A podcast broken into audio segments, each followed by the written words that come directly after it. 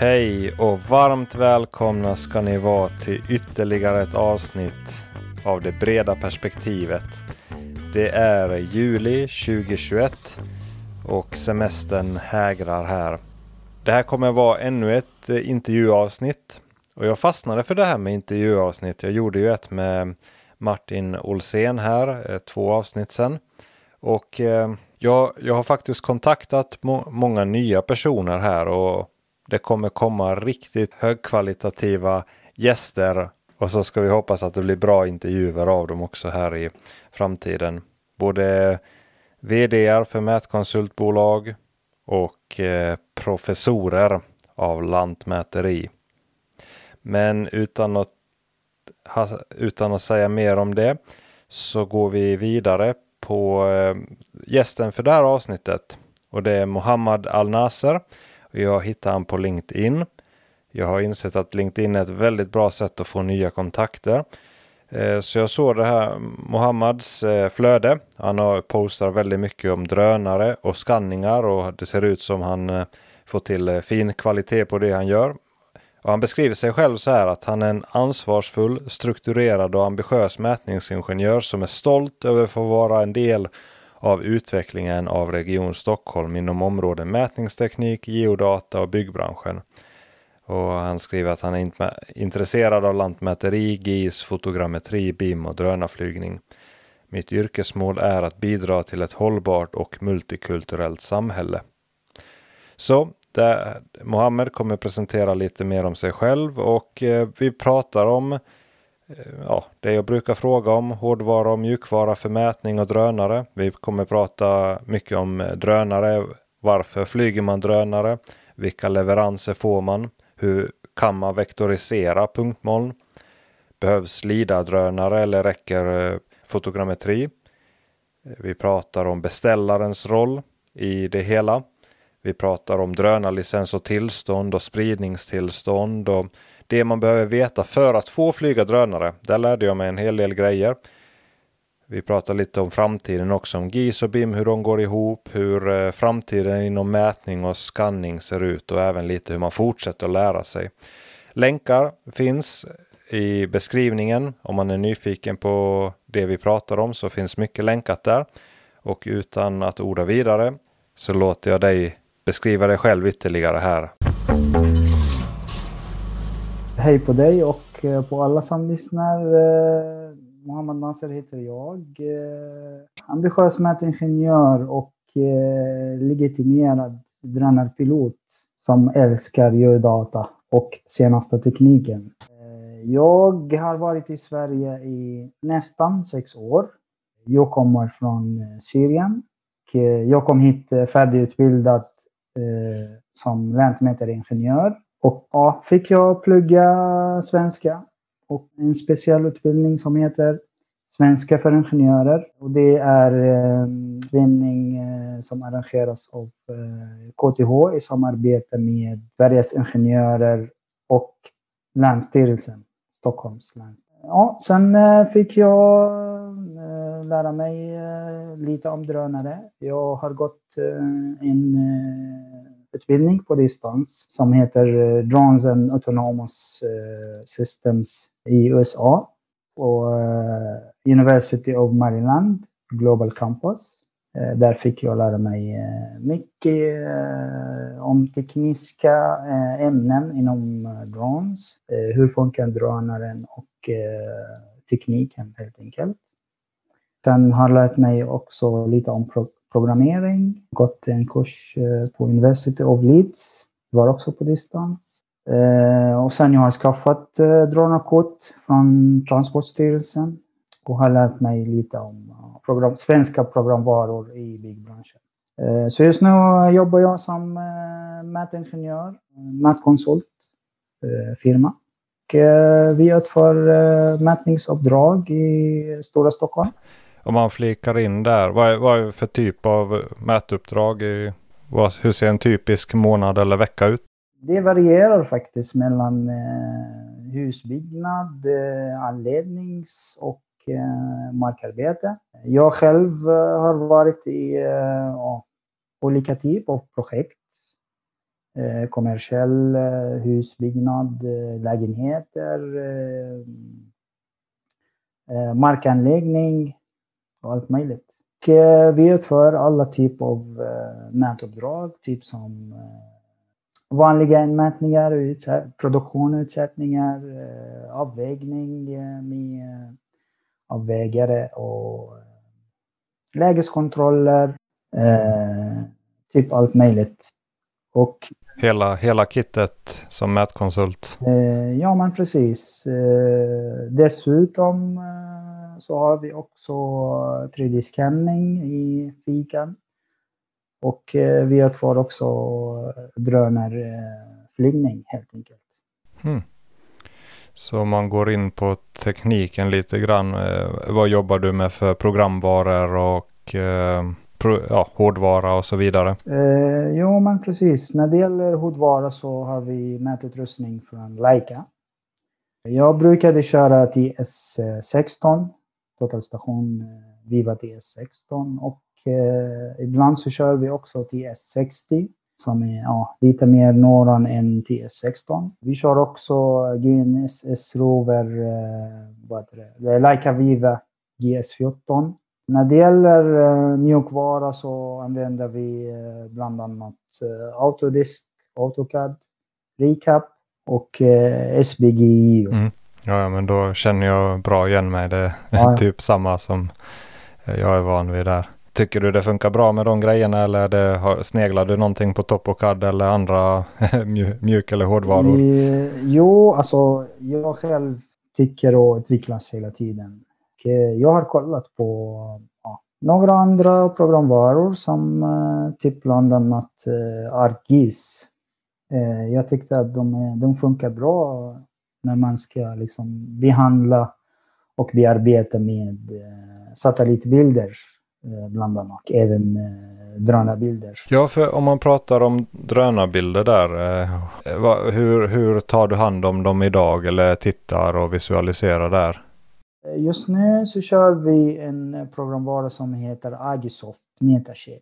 Och den här är ganska enkel och effektiv programvara som, som hjälper mig att liksom skapa eh, ortobilder och även eh, punktmål eh, utifrån eh, flygbilder. Eh, och kan också eh, använda ReCap för att städa punktmålet och redigera den på lite smidigare sätt. Mm.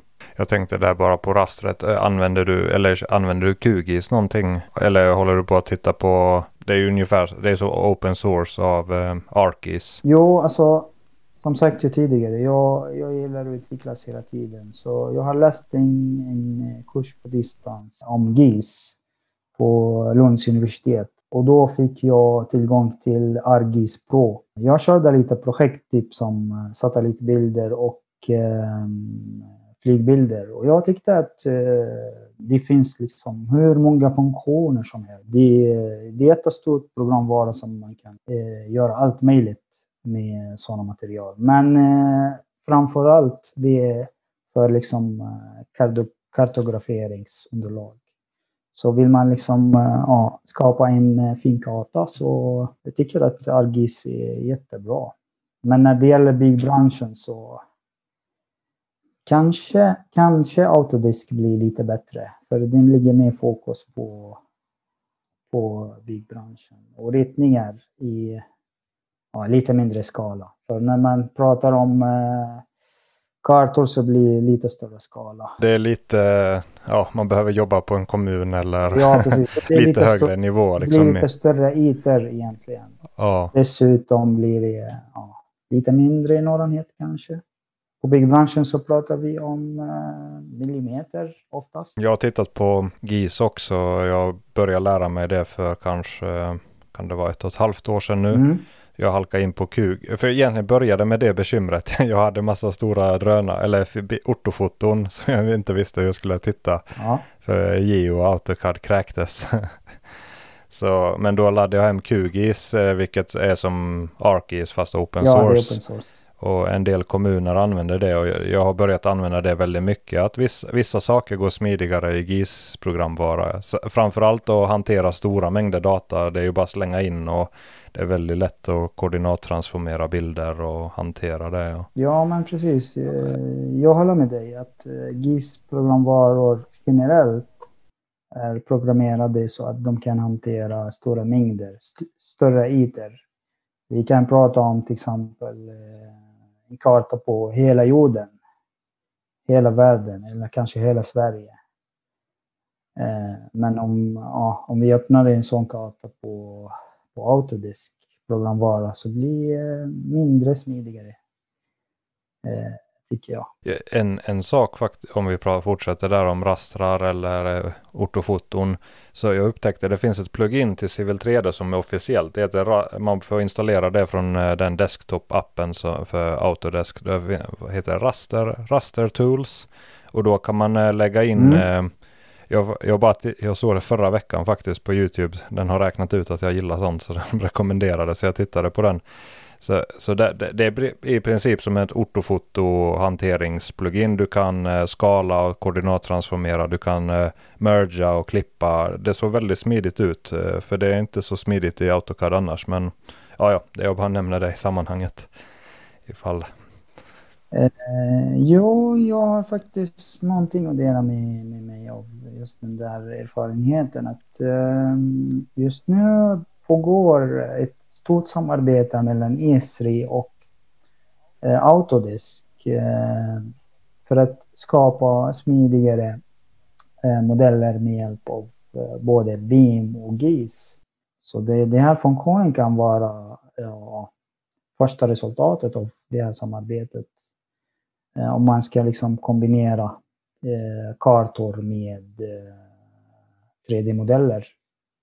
Eh, vi, vi, kommer, vi kommer se fler i framtiden tror jag. Det, det, är en spännande samarbete. Vi, just den kopplingen har börjat göras. Man kan hämta från en databas och vi får se vad det leder till. Jag tror det är en spännande framtid i alla fall. Men, ja, men om man hoppar in här lite till um, drönarflygning och liknande. Eh, om man börjar prata om kanske övergripande, när, vad ska man ha för drönarflygning till? Vad skulle du säga om det är någon som någon byggare eller någon anläggare bara, oh men det hade det här med drönare, hur kan vi använda det? Hur skulle du pitcha in det eller jo. säga vad är för och nackdelar? Alltså först och främst kan jag starkt rekommendera drönarflygning vid stora ytor. Säger vi att man har liksom stora markytor som är intresserad av att mäta in det. Där kan vi rekommendera drönarflygning. För den är otroligt effektivare än eh, vanliga eh, inmätningar, rester inmätningar som kan ta ja, hur, hur lång tid som helst. Och eh, det blir aldrig eh, så jättedetaljerat som eh, punktmålet man, man får från eh, drönarflygning. Det har vi gjort eh, flera gånger och skapa eh, punktmoln eh, på stora ytor där man vill liksom eh, kanske projektera marken eller bara kolla hur ser terrängen ut.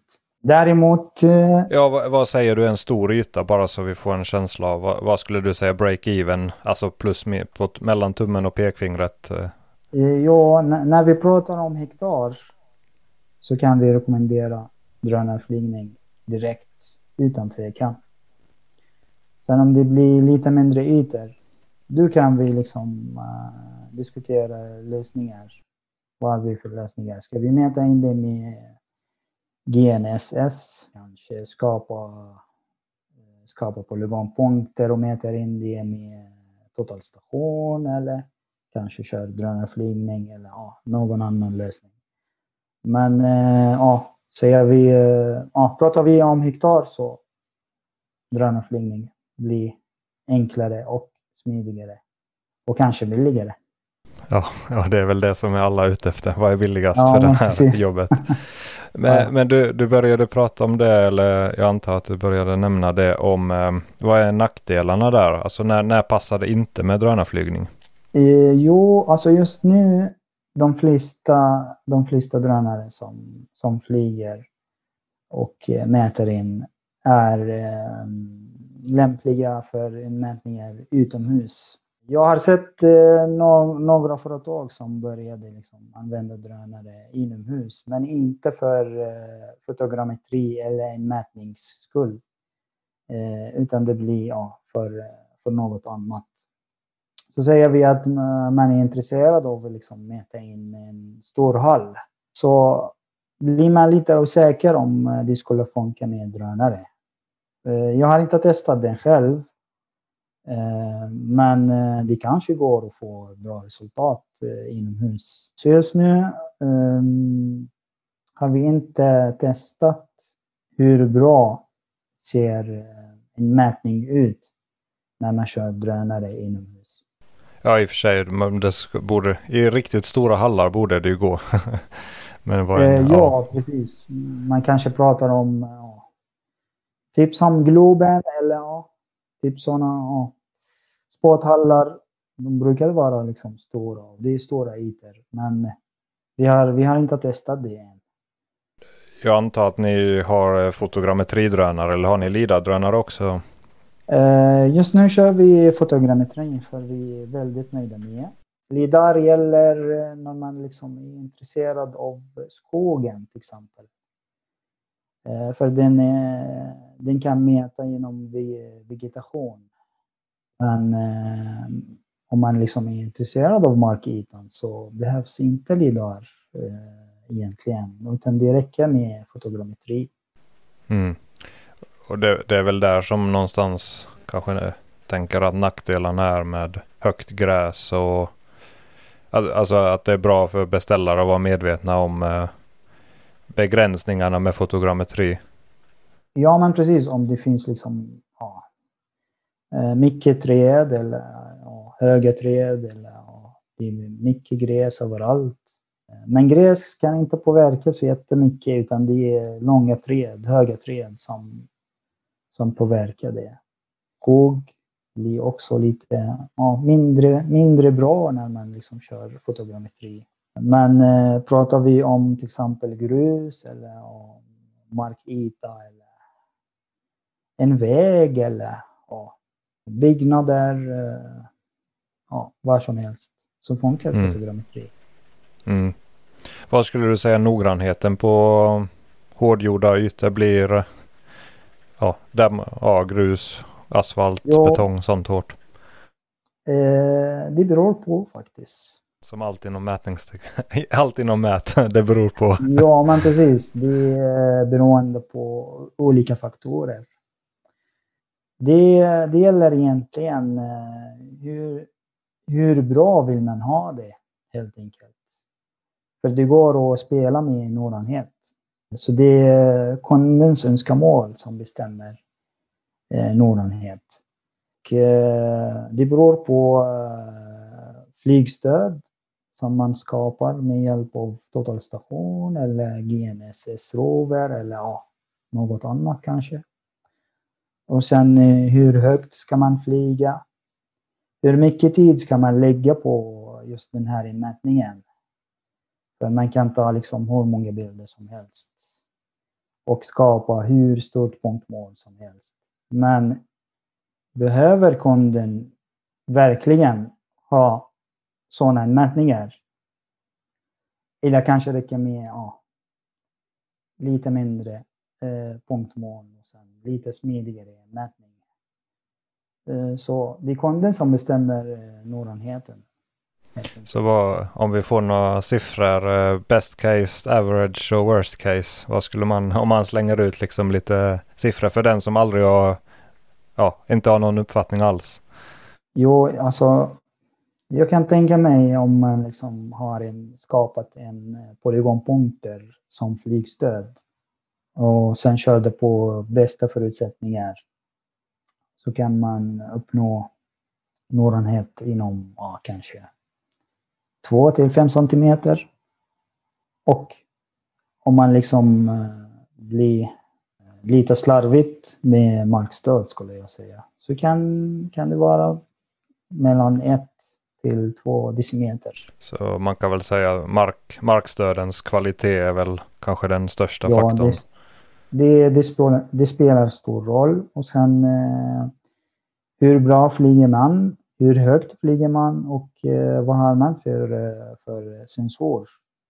Och i just det här fallet så det är eh, kameran eller lidar-sensor som man har. Eh, men framförallt det är markstöd helt enkelt.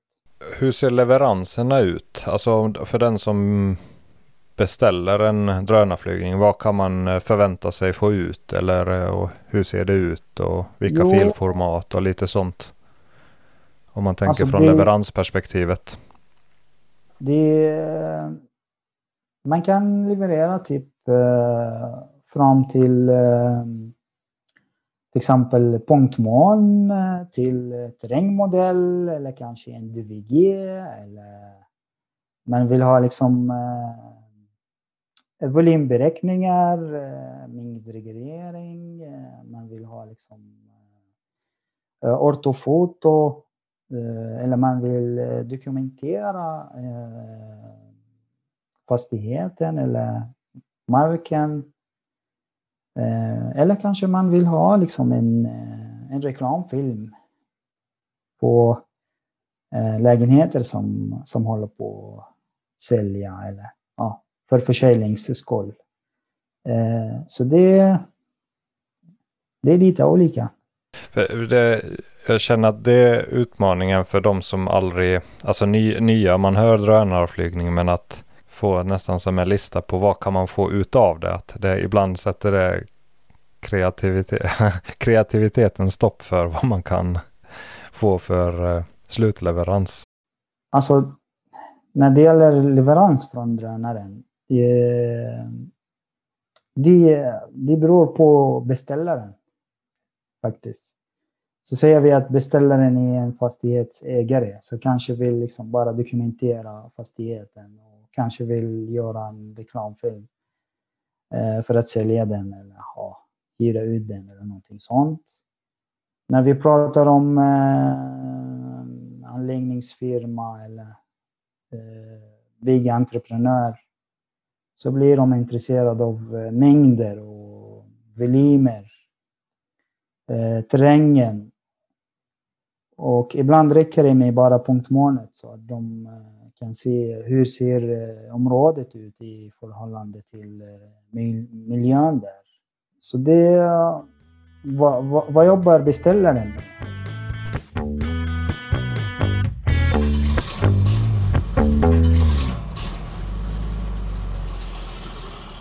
Säg att en byggare skulle lyssna på det här. Vad, vad skulle du säga till dem? Vad, vad, finns det för... Hur skulle de kunna få bättre leveranser? Eller vad har du för tips för så att de blir bättre beställare. För det är någonting jag saknar generellt inom mätning så att vi, vi är kanske vi är väldigt tekniskt intresserade. Vi kan, eh, så mm. vi tänker, ja men vi kan göra allt. ja, men den som är ny har ju utmaning. De vet inte alls vad allt innebär. Att, eh, så säger man, du kan få punktmål, du kan få terrängmodell. De bara, vad är det, vad är ortofoto? Liksom, jag, jag har försökt liksom komma till det, göra så konkret som möjligt. Vad, att man börjar, vad, vad är det du vill göra eller så. Eller jag vet inte om ja. det sätter igång några tankar hos dig. Ja men precis. Eh, säger vi till exempel att en projektör är intresserad av hur ser marken ut. Eh, och eh, då kan vi liksom skapa punktmoln utifrån eh, flygbilder. Och punktmolnet är typ en eh, 3D, 3D-modell eh, som består av eh, ja, flera miljon, miljoner punkter som, som visar verkligheten. Hur ser verkligheten ut? Sen när vi pratar om terrängmodell så det är en, en 3D-modell som visar hur lutar marken. Här har vi liksom schakt eller där har vi liksom höga eller, ja, eller vägen går uppåt eller neråt. Eh, hur ser marken ut helt enkelt? Eh, sen när vi pratar om ortobild, det är typ som eh, när man tittar på Google Maps eller någonting sånt. Hur ser, hur ser det ut när man liksom tittar uppifrån? Och det, det funkar också som, som karta. eh, ortofoto. Om den, är, om den blir georefererat så kan det funka som karta. Och sen när vi pratar om volymberäkningar. Mm, du har liksom, eh, om du har projekterat en väg till exempel. Du vill eh, kolla hur mycket kommer att schakta och hur mycket kommer att liksom fylla på eller fylla i. Eh, kan man hjälpa dig med, med det här med hjälp av eh, drönarflygning genom att skapa terrängmodellen och sen få eh, projekteringhöjder eller plushöjder som du har bestämt dig som projektör. Då kan vi beräkna eh, volymer och leverera den som rapport. Och sen när det gäller liksom eh, dokumentering, du vill liksom filma eller kanske du har ett bygge och du vill kolla hur utvecklas det genom tiden. Så kanske beställer du eh, en bild eller en film eh, månadsvis. Sen du kan göra det typ som timelapse. I slutet av, eh, av bygget så visar du, ja men uh, uh, våran firma har fixat det här bygget och det ser ut så här. Så du, du visar liksom uh, ett årsprojekt på liksom en film som kanske 30 sekunder. Eh, så det, det finns flera möjligheter. Det är bara att våga och testa, våga och, uh, köpa den, den här tjänsten och kolla hur ser det ut. Uh, och uh, det är många som, som började och testade. Och de flesta är nöjda. Mm. Ja, det, jag tyckte du beskrev de vanligaste användningsområdena väldigt bra där. Men det, vad, vad, skulle du säga det kostar ungefär? Det är också allting sådär det beror på, men kan, alltså i timmar eller hur, hur ser er betalmodell ut?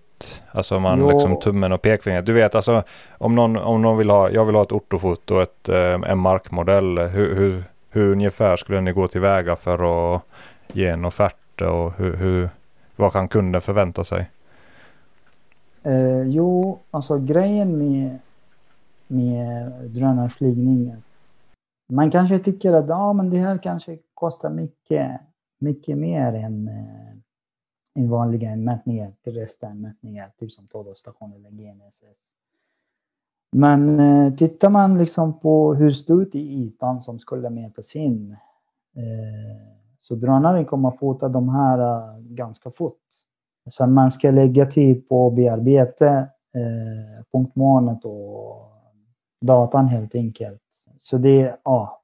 Om man tittar på tim, tim, timpris eller säger man ja, men en dag med drönare kostar kanske lite mer än en dag med, med eh, totalstation eller GNSS rover.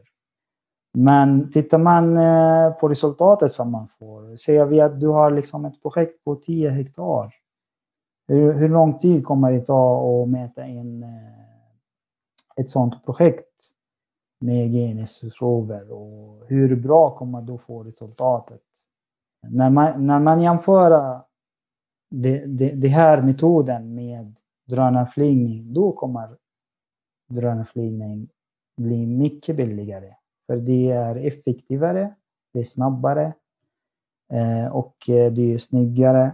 Det visar mer detaljer och eh, man får liksom mycket mer än vanliga, eh, vanliga mätningar. Och när vi pratar om vanliga mätningar så menar jag terrester mätningar med hjälp av totalstation eller GNSS. Om du beställer liksom eh, en terrängmodell med hjälp av drönare så kommer du även få liksom ortobild som, som visar verkligheten. Hur ser verkligheten ut i plan och höjd? Eh, det går inte att få när man liksom har, mäter in med, eh, med totalstation till exempel. Nej, jag, jag, tror det är där som, för varför jag ställer frågan lite är för att det är den frågan jag upplever att eh, vi får beställaren tycker, ja men eh, det kostar, ja en, en dag för och ni kunde gjort det på tre timmar kanske mätt om det är lite mindre yta eller sådär. Men jag försöker, ja, sä, säg någonting sånt. Men att just som du säger att man får ju ut mycket mer information också. Du, du får, ja. en historisk, du får en historisk snapshot hur det såg ut man kan gå tillbaka i tiden på ett projekt. Det blir som en, när man väl har kommit vidare i projektet så får du ju som en, kan gå tillbaka. Hur, vart la vi de rören? Hur såg det ut? Kanske blev problem, då kan man bevisa vi har gjort det här eller inte gjort det här. Du, du får volymer. Jag upplever väldigt på ett ställe där vi flyger ofta. De säger ja men vi behöver inte flyga så ofta nu längre. Men, och sen eh, ringer de ändå senare. Ja men jag skulle behöva ha volymen och hur mycket volymer var det på, på det stället. Och då kan man ju gå helt plötsligt eftersom man har flygdata så kan man gå dit och processa fram ett terrängmodell och så kan man ta fram volymer så, så det blir som en, man får som en historisk eh, tillbakablick eh, som är helt omöjlig att få annars. Ja, men precis. Och sen tänk på eh, hur många punkter kan du få med terresterinmätningar med totalstation eller GNSS. Det går inte att jämföra med mängden du får utifrån eh, drönarflygning. Eh, och det som jag menar att eh, vi säger till exempel att du har en grushöga. Hur, hur skulle du kunna mäta in det eh, med, med hjälp av totalstation? Och tänk på att du, du kan få den precis som, som ser ut i verkligheten. Som ser verkligheten ut i eh, punktmolnet. Du kommer ha bättre begrepp om hur ser verkligheten ut? Och alltså det är flera möjligheter. Och eh, precis som du sa, att eh, om, du liksom, om du har slarvat med någon del, du har inte beställt att mäta in eh, vägkanten. Utan du, du var intresserad av liksom, kanske centrumlinje. Och sen, ja men eh, nej, jag glömde bort att säga till att jag är intresserad av vägkanten. Ja men eh, den finns med. Du kan titta i punktmolnet och se hur ser vägkanten ut. Ungefär. Mm. Nej, det, det är väldigt stor fördel, men jag tror beställare, det är någonting för beställare att tänka att man, man även om kanske på ytan kostar 20% mer för en sak. Vi säger om du tar centrumlinjen och så om du flyger. Ibland kan du mäta in mer centrumlinjen snabbare men ofta vill du ha någon kompletterande information eller sammanhang. Man har mätt in kantstenen men så vill man se hur ansluter kantstenen när man väl ska projektera mot den och, eh, och så vidare. Men, men, det, men det leder ju ändå till det här hur eh, hur använder man punktmolnet på bästa sätt? För någonting jag upplever ändå är nackdelen, för jag är ofta mottagare av eh, drön, ja, drönardata och säger punktmoln ofta då. Men jag vill ha eh, jag behöver ju ändå om jag ritar i Civil 3D eller i CAD så behöver jag vektor, vektorlinjer. Jag behöver linjer i slutändan. Mm. Och det är nackdelen tycker jag med punktmoln. Eller vi har i alla fall inte, tycker jag, kommit på ett väl bra sätt att vektorisera punktmoln.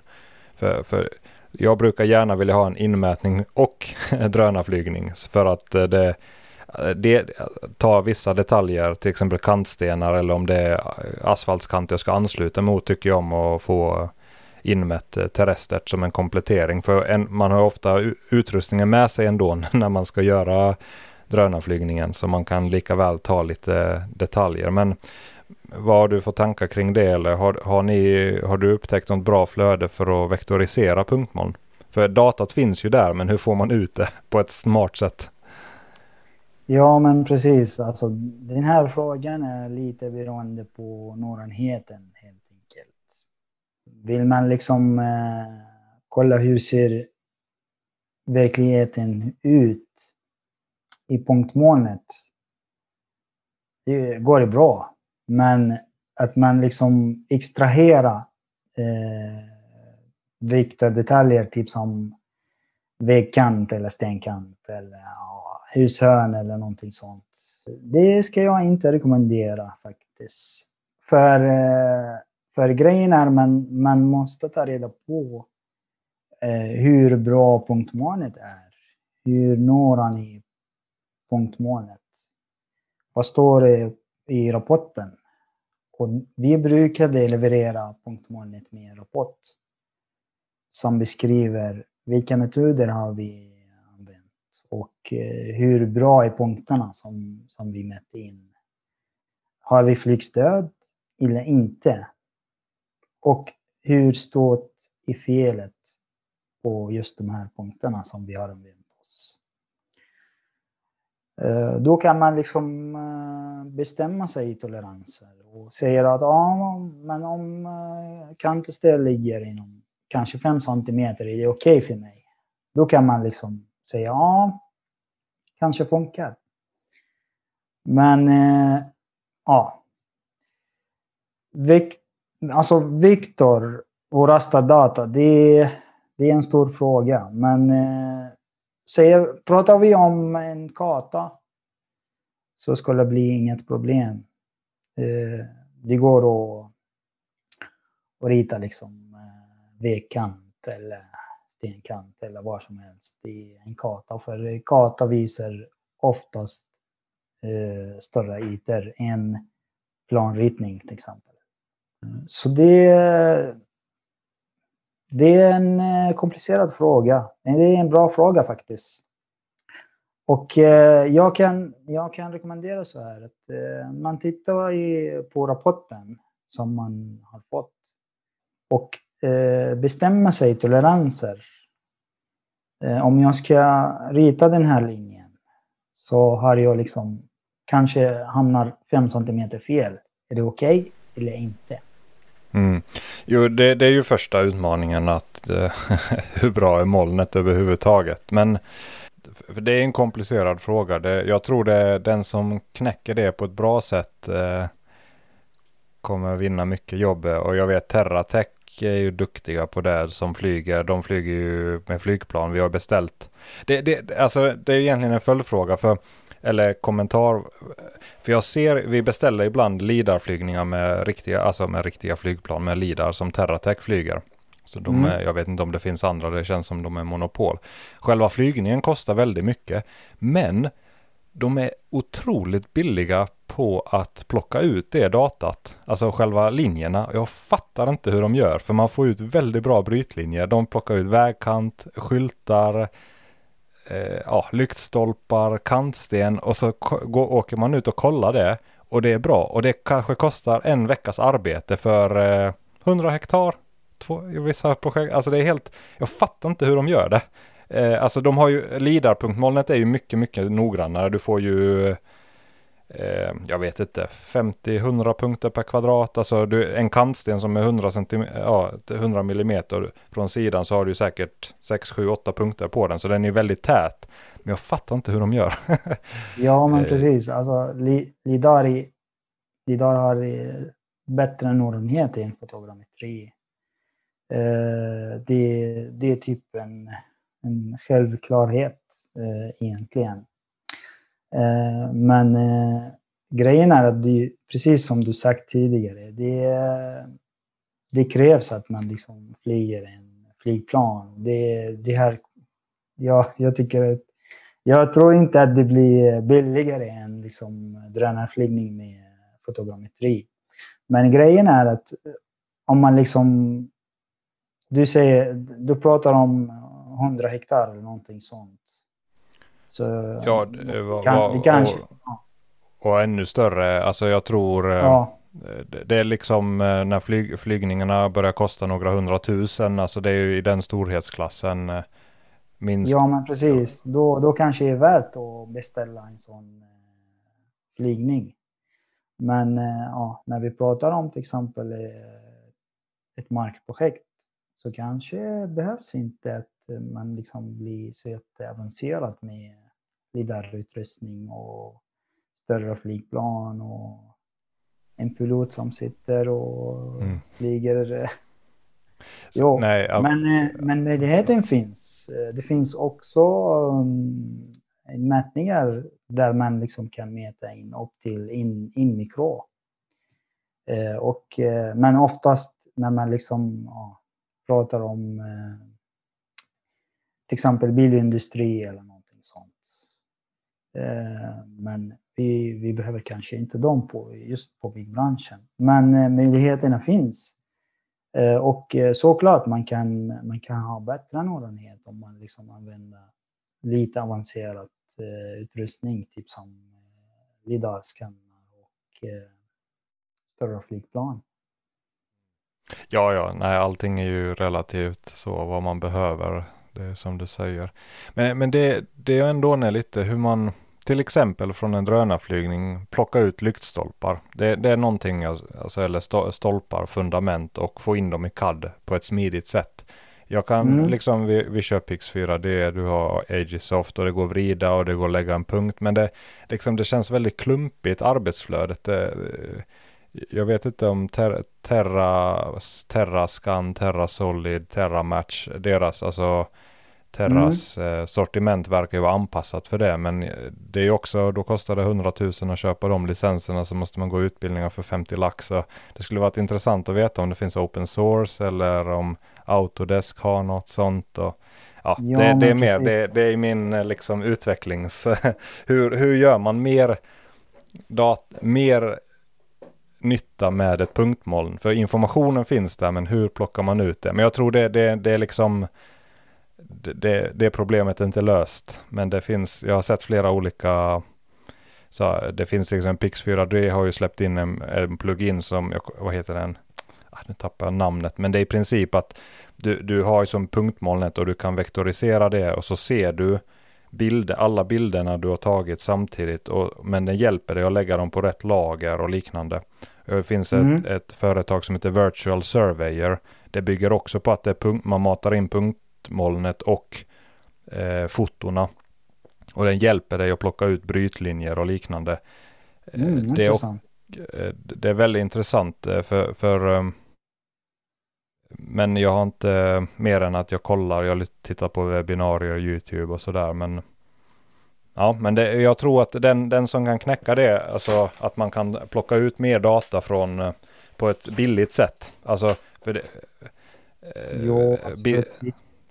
Alltså generellt när, när man släpper nya tekniken så, så känns det att det, ja, men det här är lite dyrt. Och sen så småningom börjar liksom släpps mer och mer i arbetsmarknaden. Så blir tillgängliga för fler och det blir kanske billigare i framtiden. Eh, men eh, det här, det här såklart är intressant och att man kan liksom viktorisera och plocka detaljer utifrån eh, punktmålet på, på just den här nådenheten då, då berättade om det är superintressant och vi hoppas att eh, vi kan se liksom open source programvaror eller någon variant som man kan liksom testa och köra. Det, mm. det är supercool idé faktiskt. Det, det, finns mycket. En sak som jag testade också, jag bara slänger in den här i sammanhanget. Eh, eh, vad heter de? Picterra, det är ett schweiziskt företag Mm. Där de gör med AI, alltså egentligen maskinlärning, där du matar in till exempel ortofotona. Kan man, eh, framförallt jobbar det med ortofoton då. Men eh, så trä, tränar du modellen genom att kategorisera olika ytor. Man ritar, eh, det här är en lyktstolpe, eller ja, väg till exempel, så ritar man in vägytor och så ritar man det här är inte väg. Och sen släpper man den modellen, eh, äh, AI på det där och sen plockar den ut ytorna till exempel, eller räknar antalet stolpar, räknar antal bilar på äh, parkeringsplatser. Jag hade, ja, man fick ju 14 dagar gratis och jag hade, de visade hur man gjorde och så jätteimponerande. För dyrt för, för ja. små, små, små ja. platser. Det kostar kanske 10 000 eh, för en 100 hektar. Och det kan jag gå över själv och plocka ut eh, antal bilar snabbare än det. Men på st eh, stadsnivå så är helt klart, eh, det är jätteimponerande. Du kan mata in ett ortofoto till till exempel Göteborg så kan du plocka ut hur många parkeringsplatser är upptagna just nu. Och så gör den det. Eh, den tuggar i 20 minuter och så ger dig det. Ja, men precis. Alltså när vi pratar om ortofoto så det, det, alltså, det handlar om eh, georeferensering.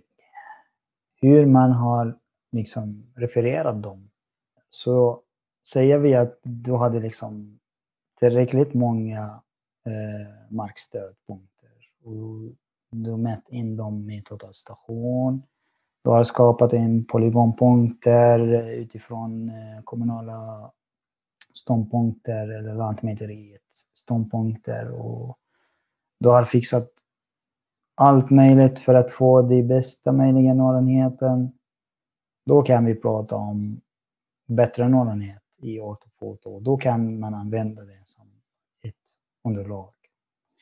Men eh, oavsett så det, kom, det krävs eh, lite mätningar. Det krävs att man liksom bygger till exempel polygonpunkter och det, eh, det, det tar tid liksom att skapa ett sånt eh, underlag. Ja, eh, ja det så, Ja, men precis. Så om man är intresserad, väldigt intresserad av hur ser det här ut? Ska, kan jag liksom eh, kan jag få liksom kantlinjer och kan få eh, hushörn och allt möjligt med hjälp av ortofoto? Ja, det går absolut. Men frågan är hur många resurser kan jag lägga på för att få till just de här detaljerna? Och är det värt att liksom prisa eh, ett sådant belopp för att få till just de här detaljerna? Eller kanske räcka med liksom lite mindre noggrannhet. Eller? Ja, det är, det är beställarens fråga helt enkelt som man kan svara på. Ställa, ställa, ställa den här frågan och sen svara på det själv. Behöver jag ett sånt underlag? Ja, men det kan kosta typ så här. Okej, okay, ja men det gör inget. Jag, jag, jag, jag behöver ha den ändå liksom. Då blir det inget problem. Då är det bara att köra liksom. Mm. Det är väl, alltså det är ju hela mätbranschens utmaning, rätt kvalitet till rätt pris. Och, eh, ja, men absolut. Och be, men jag vet inte hur du upplever, om vi pratar lite om beställare, hur upplever du kompetensnivån hos beställare? För jag tycker det, det är väl mycket handlar om, men det, vi kan göra det beställaren säger eller vill ha, men jag upplever det som att många beställare inte vet vad de vill ha. Hur, hur, hur, går du tillväga för att liksom hjälpa beställaren för att hjälpa dem rätt? Jo, men precis. Här eh, brukade vi säga att här kommer liksom rådgivare-rollen som ingår i Mantkonsulten eller Mantingenjören. Och det är att om beställaren blir ytterst osäker vad vill ha, då kan man liksom rekommendera ett eller två alternativ. Ja, men eh, du kanske vill ha den så här istället för så där. Eller du, du menar kanske utsättning istället för en mätning. Eller du kanske menar eh, terrängmodell istället för punktmål. Så. Eh, så jag skulle säga att uh, ja, men uh, vi kanske möter en beställare som vet inte på riktigt vad, vad letar efter. Då kan vi liksom rekommendera uh, något uh, enligt kundens behov. Och då kan vi fråga, ja men vad är syftet med mätningen? Eh, vad skulle man göra med datorn? Vad behöver man göra senare? Kommer ni till exempel eh, schakta, gräva eller kommer ni gjuta? Eh, då blir det liksom en annan noggrannhet. Det kanske inte är värt att fixa liksom en millimeters noggrannhet när man ska schakta med grävmaskin. Men om man ska gjuta på, då är det värt att, liksom att sätta ut elementen i en millimeters noggrannhet. Jag tycker du eh. slår huvudet på spiken där och verkligen att det, mät, en mätteknikers, ingenjörs eller mätkonsults jobb är väldigt mycket att leda kunden rätt och in, för hur många, jag, jag, jag kan räkna så många exempel på, de, en, en kund ringer, jag behöver en avvägning. Och så börjar man ja. tänka, ja just det, vi har resurser. Och sen, sen frågar man lite till, då, då slutar de med att de vill ha en inmätning, projekteringsinmätning. Ja, men precis. Ja, ja. Att, ja. Att, att inte bara lyssna på vad de säger utan verkligen lyssna vad de behöver. Ja, men precis. Alltså, bra kommunikation leder till ett bra resultat helt enkelt. Och eh, jag kan berätta om eh, en ganska rolig historia som har hänt med mig. Eh, en kund ringde, du pratade precis om avvägning, och en kund ringde och de ville ha liksom en fixhöjd. Och då har vi beställt liksom eh, fixhöjder från kommunen och började liksom avväga och sen eh, satt ut höjden helt enkelt. Och eh, just den där kommunen så det är RH 2000 som gäller som har ett system. Och dagen efter så ringde kunden och sa ja men eh, ni satt ut en fel höjd.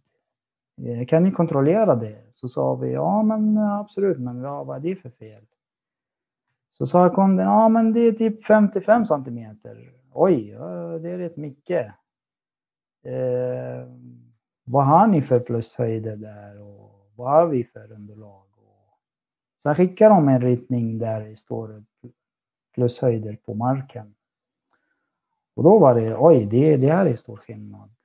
Eh, men eh, pratar vi om samma höjdsystem, är det RH 2000 eller kanske någon annan höjdsystem? om det är samma kommun så borde vi vara det, Arho 2000. Så sa de, ja ah, men eh, det kanske, ja. Och sen till slut eh, hade de plushöjder i RH 00, vilket skiljer ja, ungefär 55 centimeter. Ja. så det, det gäller kommunikation. Ibland man tycker, ja men eh, det här, det här är enkelt. Bara att köra liksom. Eh, och det kan vara beställaren eller själva, själva matkonsulten eller matingenjören eller matteknikern. Det, det har hänt liksom flera gånger. Så kommunikation, det är, det är värt att liksom kommunicera och prata och fråga om man Och, ja, att man blir säker på, på vad man gör. Liksom. Mm. Helt klart, för i slutändan så hamnar skulden, många gånger hamnar skulden på oss som mätare, så det gäller att ha ja, garderat precis. sig. ja, om någonting går fel så det är utsättarens fel. Det är alltid utsättarens fel. Ja. Det, det är gemensamma ledordet för branschen, det är utsättarens fel. Ja, men precis.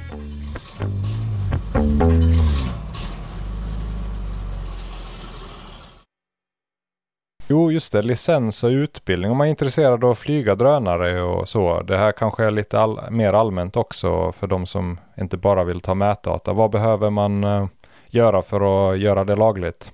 Det har ju kommit nya regler. Jag har inte så bra jo, koll på det faktiskt. Jo, men precis. Här, eh, här kommer en bra fråga. Eh, vi brukade säga säkerheten först. Och Transportstyrelsen har släppt nya regler som började gälla i början av det här året. Så vill man liksom köra drönare så det gäller ja, först och främst att man utbildar sig. Eh, man får utbilda sig och skaffa drönarkort och registrera eh, sin drönare på Transportstyrelsens hemsida. Eh, och eh, man kan också, eh, om man är intresserad, kan kolla på eh, open, open source eh, kurser som finns på nätet, typ som Coursera eller edX. Där man kan också lära sig lite mer om hur funkar drönaren och sånt. Eh, men eh, när vi pratar om Sverige så hade vi eh, också Luftfartsverket det är jätteviktigt då att man liksom rapporterar flygning i förväg om man ska flyga i Sverige till eh, Luftfartsverket. Behöver man göra det alltid? Eh, ja, helst varje, var, varje gång man ska flyga. Så okay. vet de att ah, det här drönaren som är registrerad med det här numret eller med den här koden flyger just den här tiden i de här koordinaterna. Okej. Okay. Och det kan och man ta reda man på, på, på Det kan man ta reda på på deras, på deras hemsida, Luftfartsverket. Okay. Sen de har släppt en eh, jättebra funktion som heter Drönarkarta. Eh, tittar man på Drönarkarta, om man googlar, eller, eh, där kan man kolla skyddsområden och kontrollzoner. Och det är jätteviktigt att man inte flyger i just de här områden om man inte har tillstånd. Jag kan, uh, då får jag flika in med en historia där. ja, men precis. Alltså vissa, vissa områden som de som omfattas som eh, skyddsområde eller kontrollzoner så måste man skaffa tillstånd. Och där står på drönarkartan hur kan man liksom ansöka om tillståndet? Kan man ansöka om tillståndet från Transportstyrelsen eller kanske polisen eller en annan myndighet? Eh, eller behöver man kommunicera med eh, flygplatsen om man liksom flyger i närheten av Bromma, Arlanda eller ja, kanske en helikopterplats? Är militära områden vi hade också. Vi hade ja, precis. Ett, vi hade på ett ställe en, eh, en flygning, eh, ja jag ska inte säga vart det var, men eh, det var den som flög visste inte om i alla fall om de här reglerna. Så kom mm. det två militärpoliser med k-pistar utspringandes från en oj. anläggning. oj, oj, och hade, hade, tog in dem på förhör och allting vet du. Det blev lite liv i luckan där. Men, ja, man får, precis. Det gäller att ta reda på reglerna. ja, men precis. Det här, det här borde man ta det på allvar liksom. För det är straffbart. Japp. Eh, sen till slut, om man är sugen på att dela med sig av flygbilder eller någonting sånt. Så jag ska rekommendera att titta på Lantmäteriets eh, hemsida. Där har de spridningstillstånd. Just och spridning, spridningstillstånd för att inte sprida material med känslig info som kan bli straffbara. Eh, och de har också beskrivit om man behöver skaffa det här spridningstillstånd eller inte. Det beror på hur ser bilden ut och så vidare. Eh, sen i själva flygningen så kan jag rekommendera att man kollar prognosen. Om det är lämpligt att flyga. Kolla på temperatur, vind, regn, snö och så vidare. Och sen, eh, ja, man eh, sköter sig och undviker att flyga även på folksamlingar för att inte skada någon om drönare kraschar. Ja, så det är mycket att tänka på faktiskt innan man flyger. Eh, ja, eh. precis. Och Transportstyrelsen har gjort eh, väldigt bra utbildning som man kan gå på deras hemsida som heter Drönarskida. Så googlar man Transportstyrelse drönarskida där man ska skaffa drönarkort så finns det en utbildning. Jag tror att det är kostnadsfritt. Jag vet inte om det är fortfarande kostnadsfritt, men när jag skaffade drönarkortet så var utbildningen kostnadsfri, men själva drönarkortet så kostar det ja, en liten peng. Okej, okay, så man måste ha en utbildning av kort. Vad är det här med, måste man ha någon slags eh, vad kallas det, operatörlicens? Alltså räcker o det med... Operatör är det, det är att registrera eh, drönaren. Okej. Okay. Så om du har liksom en drönare som väger eh, över 250 gram, en kvart kilo, eh, behöver man registrera det på eh, Transportstyrelsen hemsida. Då får man liksom operatör-id. Okej, okay, så, så enskilda, den som flyger drönaren måste ha ett personligt kort eller typ körkort. Och sen måste ja, själva drönaren, sen måste själva ja. drönaren vara registrerad också. Ja, precis. Okay. Oavsett om man liksom en privatperson eller en, ett företag. Så behöver man skaffa det. Hmm. Så Enligt man har det och så, Ja, jag bara försöker få in flödet. För jag har dålig koll. För jag, jag har aldrig faktiskt flugit drönare själv. Utan det, jag har alltid varit den mm. som får data. Så jag har bara varit med och satt ut markpunkter och sånt någon gång. Men okej, okay, så man behöver kort. Eh, anmäla drönaren. Sen måste man innan man flyger så behöver man anmäla det till eh, eller kolla på trans eller Luftfartsverket. Luft, så att man, Luftfartsverket, ja. Och sen och kolla i drönarkartan just det, drönarkartan för skyddsobjekt och flygplatser ja. och restriktioner och allt det där. Ja, men precis.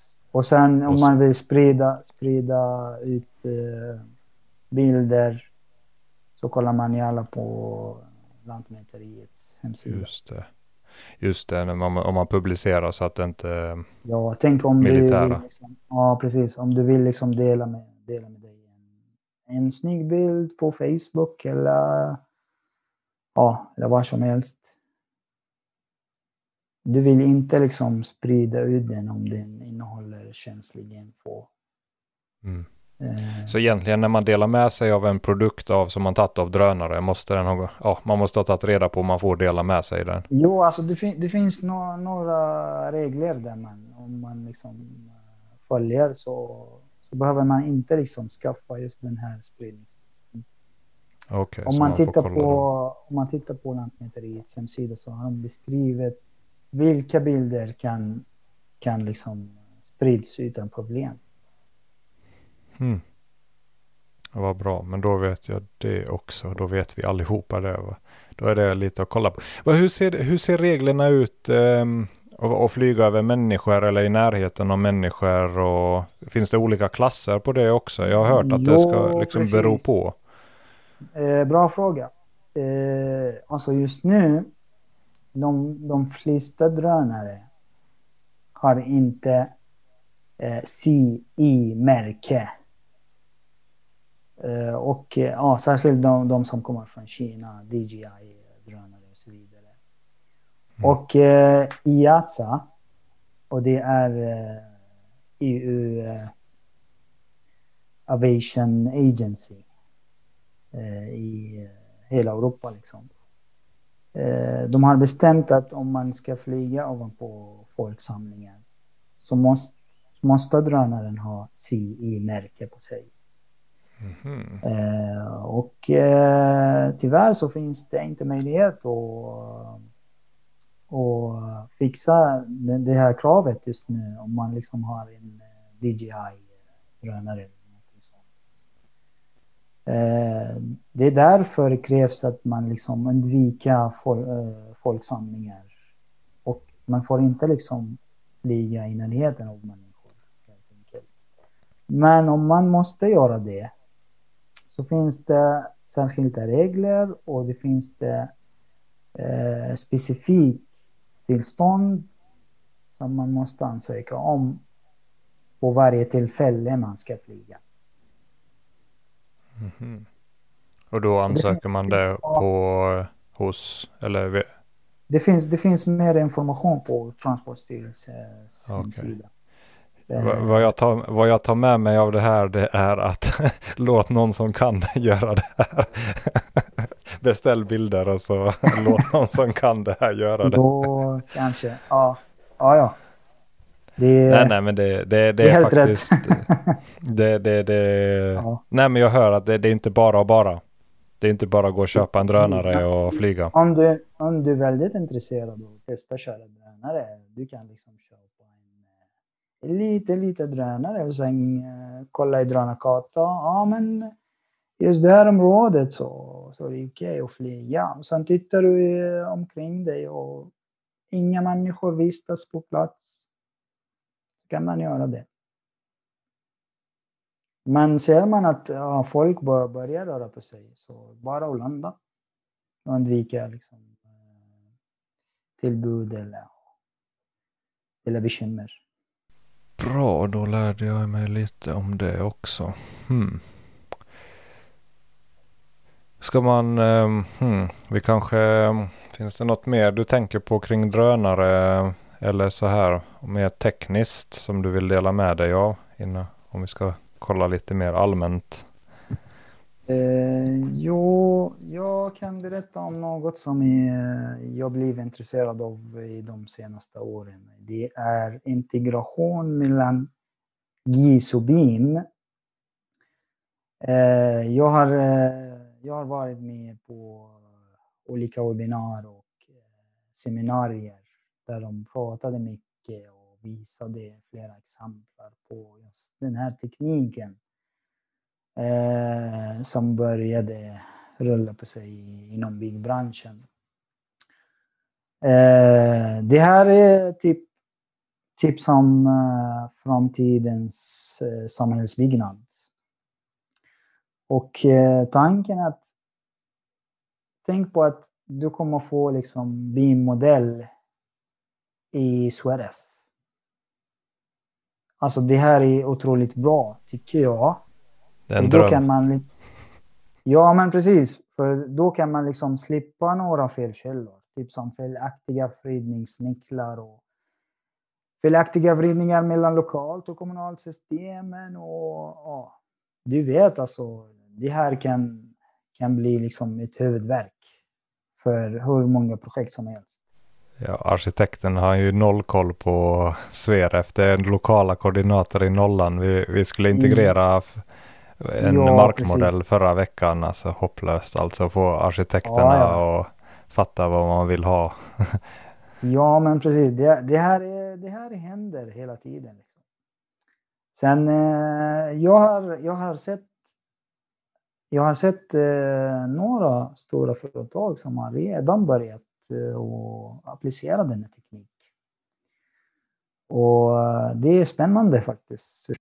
Jag kan, eh, jag kan rekommendera att eh, titta på några exempel. Som till exempel, eh, vi har i Sverige, vet jag att eh, Sweco började eh, samarbeta med kommunala sektorn för att eh, få till eh, just den här tekniken. Så något som är jätteintressant också är att eh, kolla på integration mellan eh, robotik Boston Dynamics och eh, Leica 3D-skannar. Det här är alltså otroligt spännande. Och det är den där lilla, det är, jag, jag är säkert Den många som har sett den där hunden. hund, hunden som Ja, promenerar precis, den själv. där lilla hunden som, eh, som Boston Dynamics har tillverkat. Som eh, integreras med Leica 3D-skanner och skannar själv. Eh, det här också, jag, jag har inte testat den. Men eh, det här är superintressant. Och eh, jag skulle helst testa göra det någon gång. Innan, vi får dubbelklicka på den tanken men jag bara tänkte på det här integrering med BIM. Vad var det för program eller var det någon särskild teknik eller var det med... Alltså, jag, jag pratade tidigare om eh, ett samarbete mellan Esri och eh, Autodesk. Eh, de håller på att utveckla någon programvara som, som kombinerar både funktioner, som kombinerar funktioner från både BIM och GIS. Så kan man dra nytta av båda tekniken tillsammans. Och då kan man se liksom man kan se en 3D-karta över Stockholm till exempel, där man kan se byggnader och man kan zooma in och sen se lite mer detaljer, typ som en BIM-modell. Uh, eh, vad står här för material? Uh, fastighetsbeteckning och um, hur högt är huset och koordinatsätta och allt möjligt liksom. Superintressant. Jag har inte testat det själv, men uh, jag men är, är det någonting som är... vi kommer se fler, flera exempel. Är det någonting som är liksom under utveckling eller är det någon färdig produkt man kan köpa eller betatesta eller är det mer att eh, det här är vision of the future? Som vi vet om att några, några kommuner i Sverige har börjat testa den. Eh, men jag har inte hört om eh, till exempel någon byggföretag började liksom släppa BIM-modeller eh, i SWRF-koordinater. Det har jag inte hört om än. Men det kanske kommer. Eller vi, vi får hoppas att... Vi får hoppas att det kommer i alla fall. Nej Ja, men det förr eller senare kommer det. Men det är jättespännande för att man tänker just med Eh, BIM eh, att, att man kan rita, att alla ritar i verkligheten. Det hade ju varit väldigt bra. Och sen kan eh, om de vill i Revit sitta i nollplan så kan de ha en lokal nollkoordinat istället för att verkligheten måste anpassa sig till arkitekternas nolla. Ja, ja. Eh, intressant. Men vad, vad, vad var det jag, det var Boston Dynamics. Vad, där, alltså för det, det hänger ihop med det här med att eh, var, varför, egentligen den hänger ihop med det här att lära sig mer. För, för, för tänk, jag tänker, på, vi säger en liten sån robothund som kan gå och skanna Mm. själv. Tänk om man har lärt sig att skanna. Att inom fem år så kommer alla kunna ha en sån apparat och den kommer kunna skanna. Du, alltså om du bara kan skanning idag så kommer du bli av med den men, arbetsuppgiften. Ja, alltså, ja, precis. Men grejen är att det, det handlar inte om bara scanning utan det handlar också om hur ska du bearbeta datan? Ja, abso absolut. Det, det jag menar är att man måste ju mm. upskilla mm. sig hela tiden. Att om man ja. bara, är, om, bara om man kan mäta eller samla in data. Men det är det som jag upplever att många mät, mätare jag kan förstå man orkar bara göra en viss grej, men att säga att man bara gör sitt jobb, man skannar hela dagarna och så skickar man in det. Och så, men om man aldrig kan alltså, behandla datat, analysera data, förädla det, då kommer den där hunden ta över ens jobb. ja, precis. Ja. Men alltså grejen är att det är att liksom att skanna i 3D, det är inte så jätteavancerat, men alltså hunden behöver inte tänka, ah, vad ska jag stå och vad ska jag ha mina punkter och så vidare, utan det är bara liksom köra. För det finns liksom förberedelser som man fixar i förväg och det, det kan inte hunden göra det själv, utan det måste vara någon som har koll på tekniken. Och sen eh, ja, scanning som hunden eh, fixar, fixar behöver också bearbetas av någon som har koll på tekniken. Ja, men det här ser lite, lite sned och det här, är, ja, det här är mindre bra. Det här är kanske en glas som jag vill inte ha. Den här är, ja, någonting sånt. Eh, så Ja, alltså det, det kanske underlättar arbetet lite grann, men det kommer inte ersätta liksom mänskliga faktorer just nu, tror jag. Eh, men eh, vi vet inte om 20 år hur det kommer att se ut. Men eh, det vet jag om att eh, det, ja, det handlar om att bara liksom underlätta processen och inte ersätta liksom, folk som jobbar med just den här tekniken.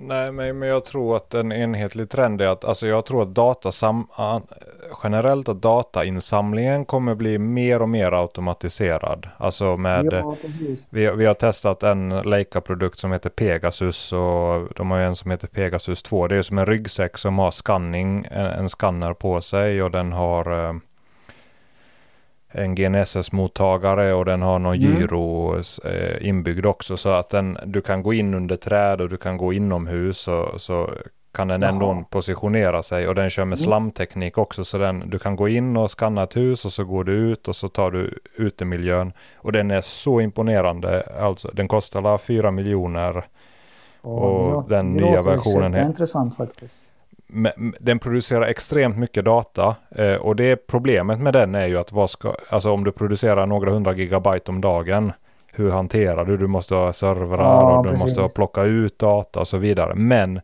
det är jätteintressant teknik som vi har testat i tillsammans med, ja jag kanske inte ska säga vilka, men, men i alla fall på Olskroken som är ett stort järnvägsprojekt här i, i Göteborg. Jätteintressant. Mm. Eh, Ja, men, men, det jag tänker att han, han som innan, innan om någon behövde gå med skanner eh, nu, nu behöver vi bara en kille som går med en ryggsäck.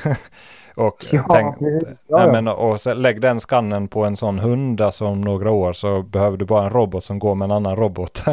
och, men alltså, du behöver ju människan fortfarande och eh, georefereringen och så vidare. Men jag kan tänka mig att eh, det också kommer utvecklas att du plockar ut brytlinjer och liknande och information men att själva kompetensen, du behöver kunna mer, att du måste kunna felsökning och du måste felteori, kunna granska, alltså det blir mycket mer eh, avancerat arbete. Så jag, ja, jag tror där att man... Och sen, ja, det, det gäller också automatiserade drönare Eh, som utvecklas just nu och vi kan se på i framtiden att eh, drönaren kan flyga själv utan, liksom, utan eh, fjärrpilot. Men eh, det är fjärrpiloten som, som ritar, eh, eh som ritar eh, spåret för drönaren. Ja, men du ska flyga här och där och sen komma tillbaka hit. Och sen det, det är människan som kommer bearbeta eh, datan och göra nytta av det. Och det är typ som, typ som eh, när vi hade tidigare två grabbar för att kunna mäta in något med totalstation. En som, eh, en som mäter in med instrumentet och den andra som håller stången. Eh, nu, det, nu, blir, nu blir det liksom att nej, det räcker med en som kan eh, hantera datan och eh, håller stången. Eh, så det, ja, det blir effektivare och det kanske blir mer automatiserat, men eh, det kommer inte ersätta människan, eh, inte i närmaste framtid tror jag. Nej, nej det, det kommer det inte göra. Men det jag tror är att man som mätare måste hela tiden vara, lära sig mer. Att man är med på det och kan utnyttja ny teknik. Men, ähm, alltså, att utvecklas, det, det är jätteviktigt. Uh, annars, det är extremt.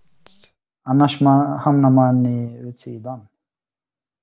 Ja, för, för det är en bransch som rör sig extremt mycket. Jag tror det är jättespännande. Byggbranschen har blivit extremt intressant för den har varit så eftersatt så otroligt länge. Hela samhället har gått om. Jo, men nu, nu man, man, man märker på Autodesk och Esri och alla att det är liksom all kapacitet eh, riktas mot byggbranschen och att det finns hur mycket initiativ som helst. Och det, det känns som det poppar upp intressanta projekt överallt.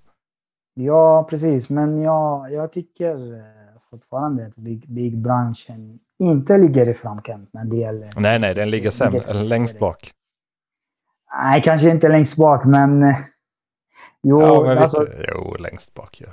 ja, kanske. Jag vet inte. Jag har inte koll på siffrorna, men... Men alltså egentligen så... Uh, jag tror att det beror på att många yrkesarbetare föredrar traditionella lösningar. Som pappersritningar och liknande. Typ som ja, old school eller någonting Eh, ja, det kanske ja, förhindrar att man liksom eh, snabba på och, eh, och ligga i framkant eh, med digitalisering. Jag vet inte, jag, jag har inte koll på siffrorna faktiskt, men eh, när det gäller mätningsteknik så ser det lite, lite ljusare ut. faktiskt. Eh, för eh, vi ser att eh, de flesta som jobbar med mätningsteknik är vana med, med digitala lösningar. De flesta kan ja, data, data och programvaror och de... Ja. Det gäller att man blir nyfiken och, och vill utvecklas helt enkelt. Det finns ju ett uttryck, rising tide rises all boats. Att en, ja, tidvattnet lyfter alla båtar. Att eh, jag bara tänker med det här med automatisering och skanning och allt sånt här. Att det kommer ju också göra att fler och fler vill ha geodata. Eh, för just nu så är det ju projektörer, eller traditionellt så har det ju varit väldigt begränsat. Det har varit eh, projektörer och kommuner, om man nu förenklar det. Men helt plötsligt så inser ju alla mer och mer hur mycket man kan ha och jag tror marknaden ökar också hela tiden. Att det blir när någonting blir ja, billigare så inser man att man kan använda det här på fler ställen. Till exempel som privatperson om det blir lite, alltså du kan göra som nya iPhonen har ju sån eh, LIDAR sensor som jag håller på att testa här hemma för jag fick en ny telefon från jobbet då. Och det är jätteintressant. Du kan skanna ditt hus och visst, det blir inte som en vanlig skanner, men du får ett punktmoln och du får, kan visualisera och så tar du det till frugan mm. och ritar upp, eh, ja vi kanske kan möblera om så här i SketchUp och det är helt annat liksom och sen kanske om man kan göra det flödet bättre så kanske man kan rita sitt eget hus på sin egen tomt eh, där och sen kan man skicka det till en fabrik. Och, du vet, alltså det, ju, när det blir, när fler och fler får tillgång så blir det ju mer och mer kunder och då, då finns det mer och mer jobb med att hantera geodata. Ja, men, eh, ja. men folk är redan vana med geodatan. Eh, alla, har, alla använder sig eh, Maps, Google Maps eller, ja, eller ja, Apple Maps eller någonting sånt för att liksom för navigeringskoll eller ja, någonting sånt. Så alla är vana med geodata just nu. Men eh, det, det gäller inte bara navigering utan man kan dra nytta av geodata i, i flera, flera grader. Liksom.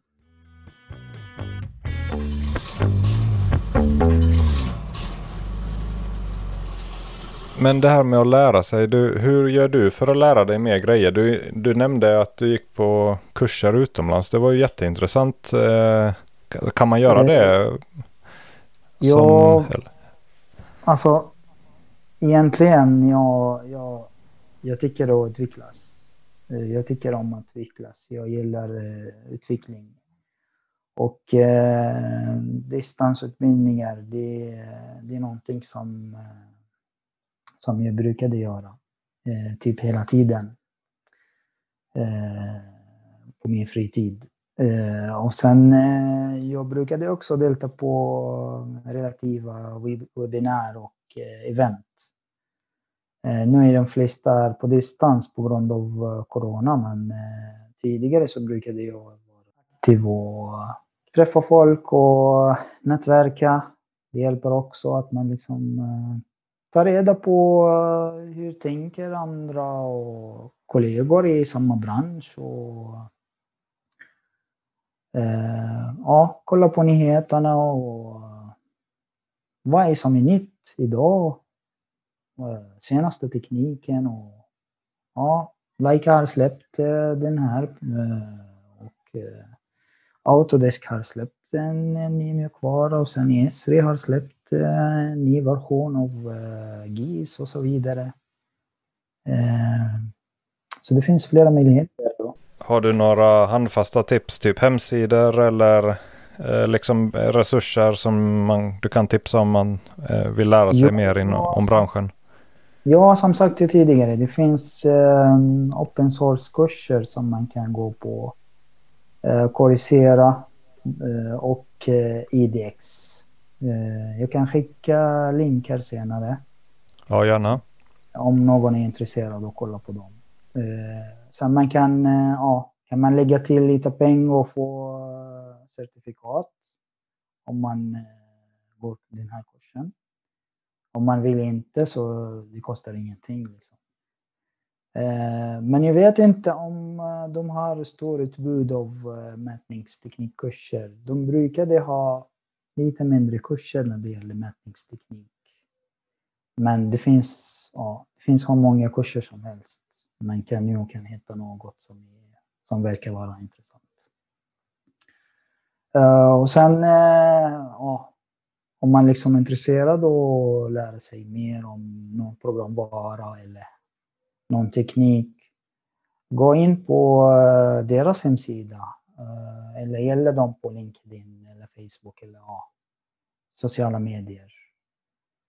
Där slipper de ja, nyheterna om senaste grejer som, som de har helt enkelt. Just eh, LinkedIn har jag fått upp ögonen här sista månaden vad mycket man kan lära sig där. Just att alltså det blir väldigt specifikt om man följer, ja det var ju så jag hittade dig, men att massa folk i mätbranschen och sen ser ju algoritmen att man gillar dem. Och sen eh, rekommenderar den mer och man, man ser ja, ju precis. nyheter på ett helt annat sätt. att Alltså Instagram och ja, ja, nu Facebook har jag aldrig varit på men i alla fall Instagram och så här. Det blir mer hobby eller fritidssaker. Men LinkedIn är så nischat för det ja, yrket. Precis. Ja, jag tycker det, det är som är det intressanta. Det är riktat mot eh, ja, yrke och professionella kontakt. Och jag, brukar, jag brukade säga att om du, om du inte har mig eh, som eh, kontakt på LinkedIn så lägg gärna mig så blir vi bekanter. Och vi kan prata om data och allt möjligt.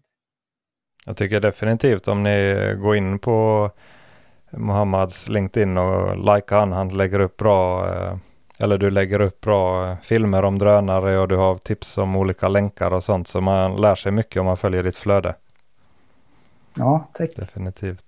Men vad, vad, skulle du säga, här är ju några sista frågor. Har du, har du några program eller verktyg eller eh, så, som du har börjat använda på sista året som du bara tänker, ja ah, men det här är gött att jag har lärt mig eller som du är ja, nöjd med? Ja, precis. Som... Jag, jag pratade kort om uh, Argis Pro. Jag testade hantera kartor och ortobilder och det funkade jättebra. Jag var nöjd. Men, uh, men som sagt tidigare, jag brukade Eh, jag brukade arbeta med eh, Agisoft Metashare för att hantera drönardata. Eh, den är också bra, den är flexibel. Men när vi pratar om Argis Pro, det, det har massor av funktioner. typ som geoprocessing och ja, tillverka kartor. Sen det funkar också med Python, programmering och Alltså det finns hur många möjligheter som helst. Och om man är intresserad av att veta mer om Argis Pro så kan man gå på Esris hemsida. Där har de typ en blogg. Eh, och eh, fack, frequently asked questions. Och, eh, det här är liksom internationellt programvara så det, det finns överallt i hela världen. Liksom. Ja, det är, det är väl som de facto GIS-lösning. Alltså som Autodesk är CAD så är eh, SV ja, det är väl precis. GIS. Ja, men eh, det, det, är inte open source tyvärr. Så Nej, det är 100, 100 lax. Eller om man liksom pluggar, om man pluggar GIS på någon skola eller universitet så kan man få den eh, av skolan. Eh, annars måste man liksom köpa licens. Mm. Vad skulle du för, vilja förmedla till alla som jobbar med samhällsbyggnad på skruv och mutternivå? Anläggare, yrkesarbetare, projektörer, mätningstekniker? Eh, var tidigt i kommunikationen.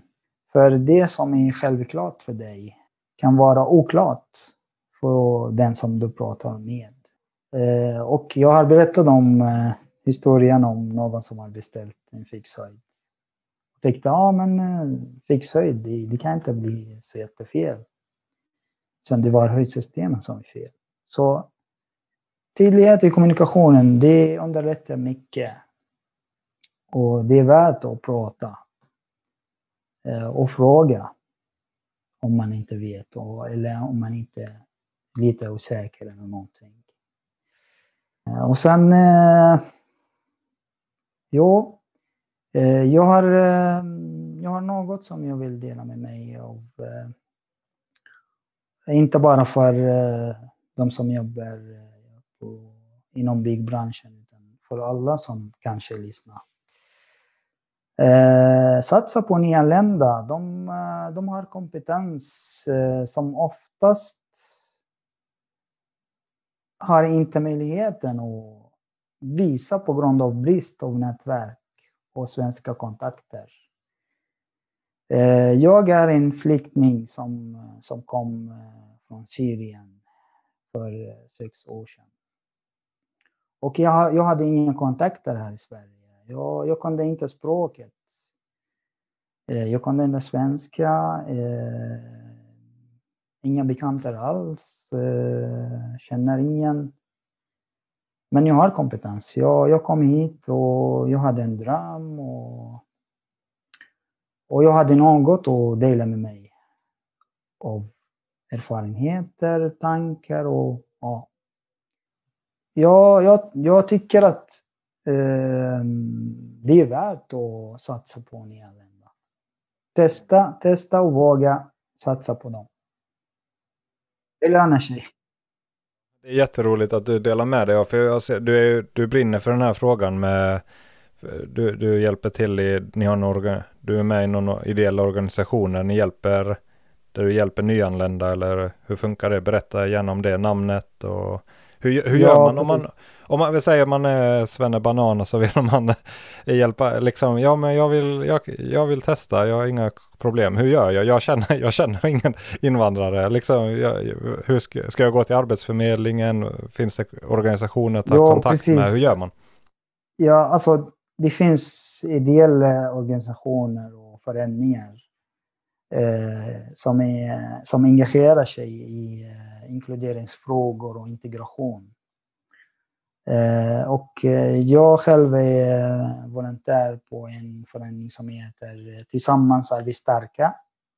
Som hjälper till nyanlända att integreras i samhället. Eh, och om man liksom känner sig, ja, jag vill engagera mig. Så är det bara att googla liksom, förening eller organisation som jobbar med eh, integrationsfrågor, som hjälper till nyanlända och flyktingar. Eh, det, det finns hur många förändringar som helst. Det är bara att liksom eh, välja den som är närmast till dig eller den som tycker att det, ja, men det här är schysst, det här ser bra ut. Ja, men jag kan vara med det här gänget. Sen om du är intresserad av att veta mer, eller någon som lyssnar och är intresserad och höra mer om eh, föreningen Tillsammans är vi starka så är det bara att eh, skicka frågan eh, på LinkedIn. Mohammad Al-Nasser. Bara googla den på LinkedIn och sen skicka frågan till mig så kan jag berätta mer än gärna om vad gör vi. Berätta kort också vad, vad ni gör. ja, det är typ som ja, aktiviteter där man liksom träffar folk som pratar svenska.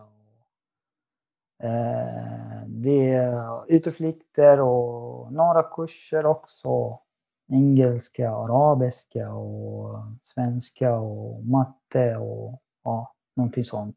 Typ som läxhjälp. Och, och sen, eh, ja precis. Och, eh, typ som språkcafé där man liksom pratar om kultur hur funkar, liksom, hur funkar samhället och så vidare. Mm. Kul. Sen vi hade, ja, men... vi hade ett projekt eh, som pågick eh, förra året eh, som heter Svinkel eller Swedish Engineers Club. Och eh, syftet, syftet var att hjälpa till nyanlända ingenjörer att bygga nätverk, professionella nätverk eh, inom ingenjörsyrket och träffa ja, svenska ingenjörer helt enkelt. Och det gick i samarbete med Sveriges ingenjörer. Spännande. Det finns ju jättestor kompetensbrist och behov av arbetskraft och det är jättebra sätt att utöka sitt nätverk själv. Så det, var jättekul att du delar med dig av. Du, du har ju kommit in i samhället bra, du kan språket bra och allting. Det är jättekul att höra att du vill dela med dig och hjälpa andra också att göra det. Ja, men precis. Jag, jag tycker att det är glädjande och det man, så man gör samhällsnytta om man hjälper till nyanlända. För det lönar sig. De, de vill ge tillbaka till samhället som välkomnade dem helt enkelt. Mm. Super. Så LinkedIn, Muhammad Al-Nasser om man vill veta mer eller antingen om den här föreningen eller om mätningsteknik eller drönarflygningar och skanningar och grejer. Superkul. Tack för att vi, jag fick ha med dig här och jag lärde mig mycket och det var väldigt inspirerande att höra om din berättelse också. Tack så mycket. Tack själv. Tack för att uh, du uh, bjöd in mig till uh, det här podden som är jätteintressant. Och, eh, tack för att ni lyssnade och eh, ja, jag ser fram emot eh, nästa avsnitt som ni kommer eh, spela. Ni, eh, ni spelar eh, intressanta ämnen som jag brukade lyssna på och eh, jag, önskar, eh, jag önskar dig och alla lyssnare lycka till. Ännu en intervju som är avklarad. Och i nästa avsnitt så kommer jag och Theo prata lite om eh, våra tankar kring det här, vad vi lärde oss och lite våra reflektioner. Så det blir ett kommentarsavsnitt nästa gång. Som alltid, tack så mycket för att ni tog er tid att lyssna. Det uppskattar jag väldigt mycket och jag uppskattar all feedback jag får. Jag hoppas ni gillar de här nya formatet lite med intervjuer och att det blir nya gäster. Det är lite musik och jag prövar lite nya grejer. Tackar också att eh, ni sprider ordet. Jag ser det i statistiken att vi är fler lyssnare. Det är ungefär 100 lyssnare vid tillfället. Så sprid gärna ordet vidare till kollegor, kompisar och andra som ni tror kan vara eh, intresserade av det vi pratar om. Ha det bra. Hej!